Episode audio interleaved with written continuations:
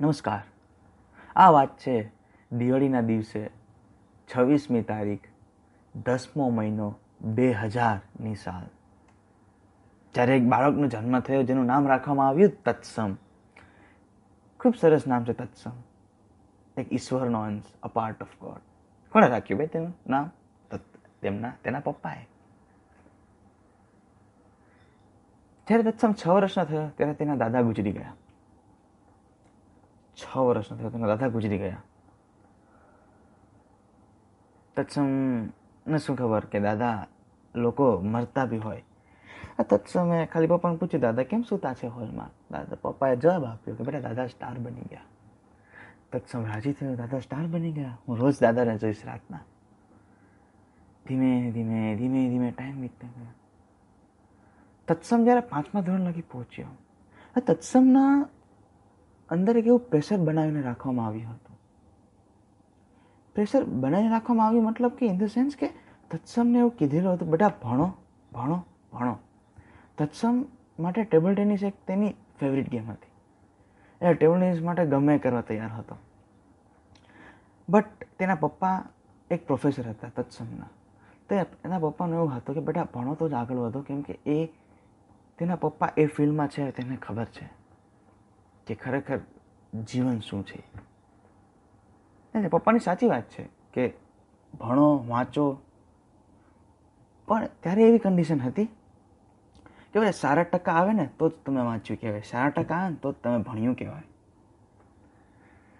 તત્સમ ત્રીજા ધોરણ લગી તો ત્યાંસી ટકા આવ્યા. ચોથા, પાંચમા સાઠ પાસઠ સાહીઠ પાસઠ ટકા. આટલા આટલા, ઓછા ઓછા. આવે તત્સમે છઠ્ઠા ધોરણમાં સારી સ્કૂલમાં ગયો. જે કહે પોરબંદરની પ્રખ્યાત school Saint Mary Tatsam Porbandar જિલ્લાનો હતો. ગાંધીજી માટે પ્રખ્યાત કહેવાય, ગાંધીજીનું કહેવાય. સેન્ટ મેરીમાં ગયો તત્સમ. પહેલા જ વર્ષમાં પહેલી જ એક્ઝામમાં તત્સમને સાયન્સમાં ફેલ કેટલા માર્ક્સ એકત્રીસ. પપ્પા કી જાણા. તત્સમે કીધું, મેં મહેનત નથી કરી. પછી છઠ્ઠામાં એને સાઠ ટકા આવ્યા સારું. ધીમે ધીમે સાતમું, આઠમું ગયું. પણ જ્યારે તત્સમ પાંચમામાં પાંચમું પૂરું કરી, જ્યારે જ્યારે ડિસ્ટ્રિક્ટ લેવલે રનર્સઅપ બન્યો ટેબલ ટેનિસમાં ત્યાર પછી તેના સરે કોચિંગ ક્લાસીસ બંધ કરી દીધા. તો તત્સમે બી કહી દીધું. તો તત્સમે બી કહી દીધું, મારે ટેનિસ નહીં રમવું. કેમ કે તેના સર હતા તેના માટે ફેવરિટ સર હતા, જેણે બંધ કરી નાખ્યું ટેબલ ટેનિસ પછી તત્સમે કરાટે જોઈન કર્યું. તત્સમે કરાટેમાં ફોકસ કર્યું. તત્સમ કોઈ બી ગેમ કરે તો એમાં ફોકસ કરે, પણ એ કોઈ ભણવામાં ફોકસ નહીં કરતો. બહુ મહેનત કરી તત્સમે બટ નહીં, એના માટે ગેમ જ મહત્વની હતી. અને વાંચતો બી નહીં. વાંચવું જ નહીં ગમતું એને. નવમા ધોરણમાં આવ્યો. નવમા ધોરણમાં જ્યારે પેલી એક્ઝામ આવે ને, છ મહિને, તેમાં તત્સમ ચાર ચાર વિષયમાં નપાસ થયો. તો કે જે તત્સમના કરે હજી નથી ખબર, હજી નથી ખબર. પણ તત્સમ નવમા ધોરણમાં છ મહિને જે એક્ઝામ આવે તેમાં ચાર વિષયમાં નપાસ થયો. નવમું પાસ કર્યું.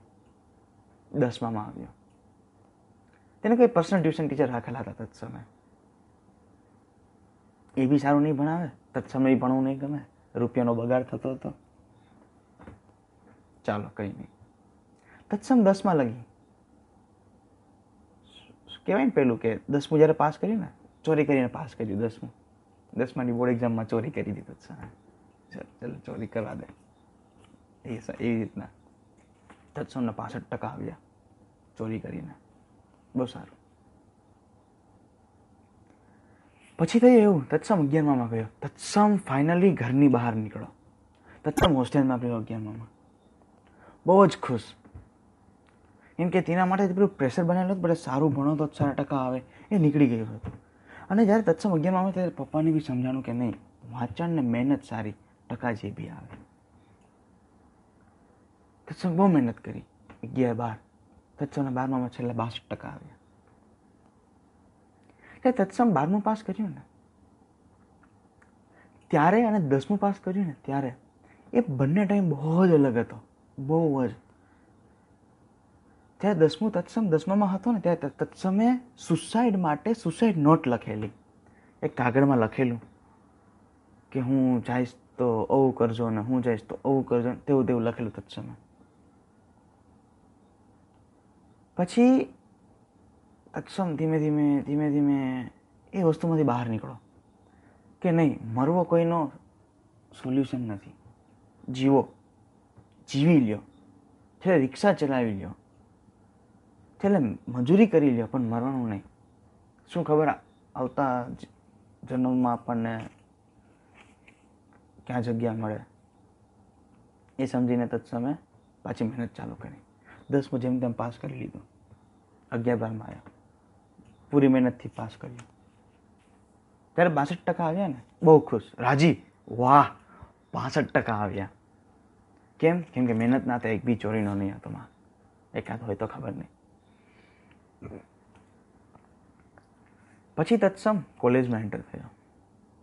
તત્સમ બારમા પાસ કર્યા પછી, તત્સમે જ્યારે બારમા પાસ કર્યા ત્યારે એટલો એ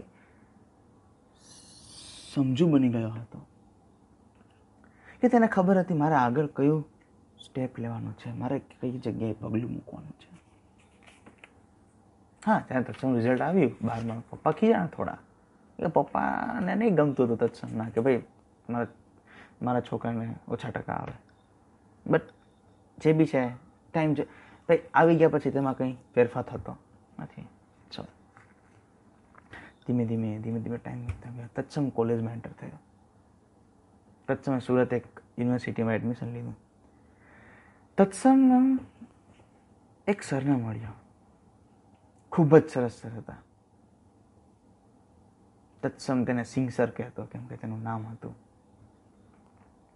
એ સરે કીધેલું, તેના પપ્પા અને તત્સમના પપ્પાને તત્સમે કે બેટા, પરિણામ છે ને, બારમાનું, એ છે ને કટકો છે કાગળિયાનો.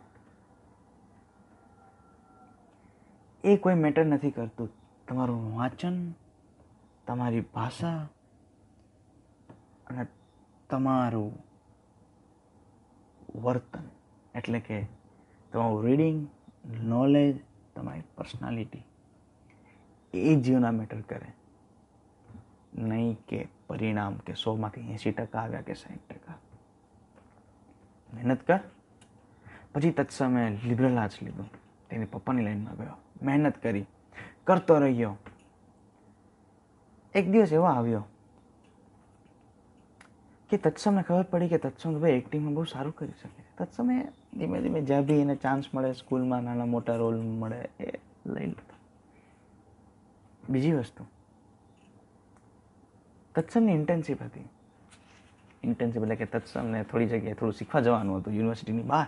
તેમને લઈ ગયા, લઈ ગયેલા હતા ગુજરાત લિટરેચર ફેસ્ટિવલમાં જે બરોડામાં થઈ મોટા મોટા એક્ટર્સ આવે, મોટા મોટા રાઇટર્સ આવે જે મૂવી લખતા એ આવે, મોટા મોટા કલાકારો આવે.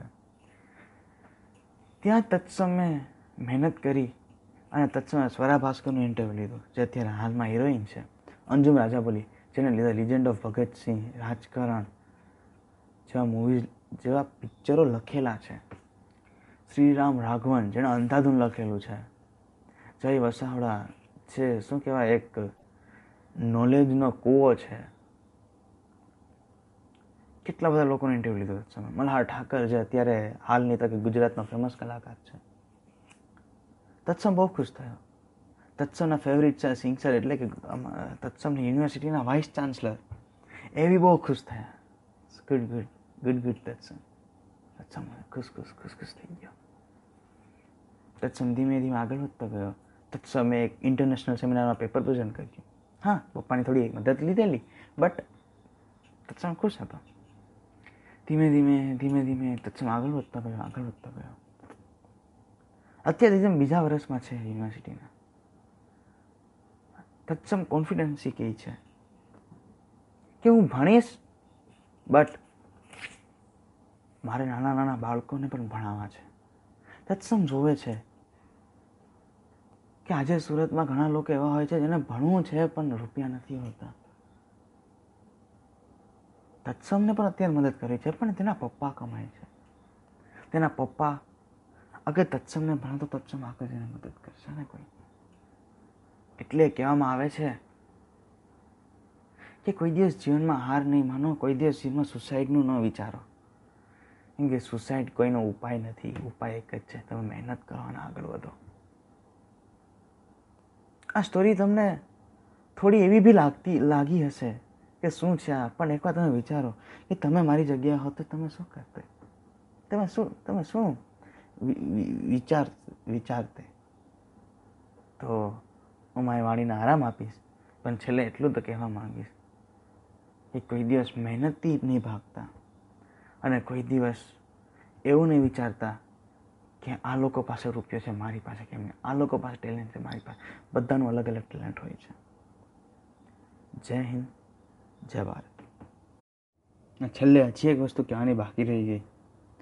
આ બધી વસ્તુ થયા પછી તત્સમના પેરેન્ટ્સ જેમ કે તેના મમ્મી, પપ્પા બહુ જ ખુશ છે કે તત્સમ આગળ વધી રહ્યો છે.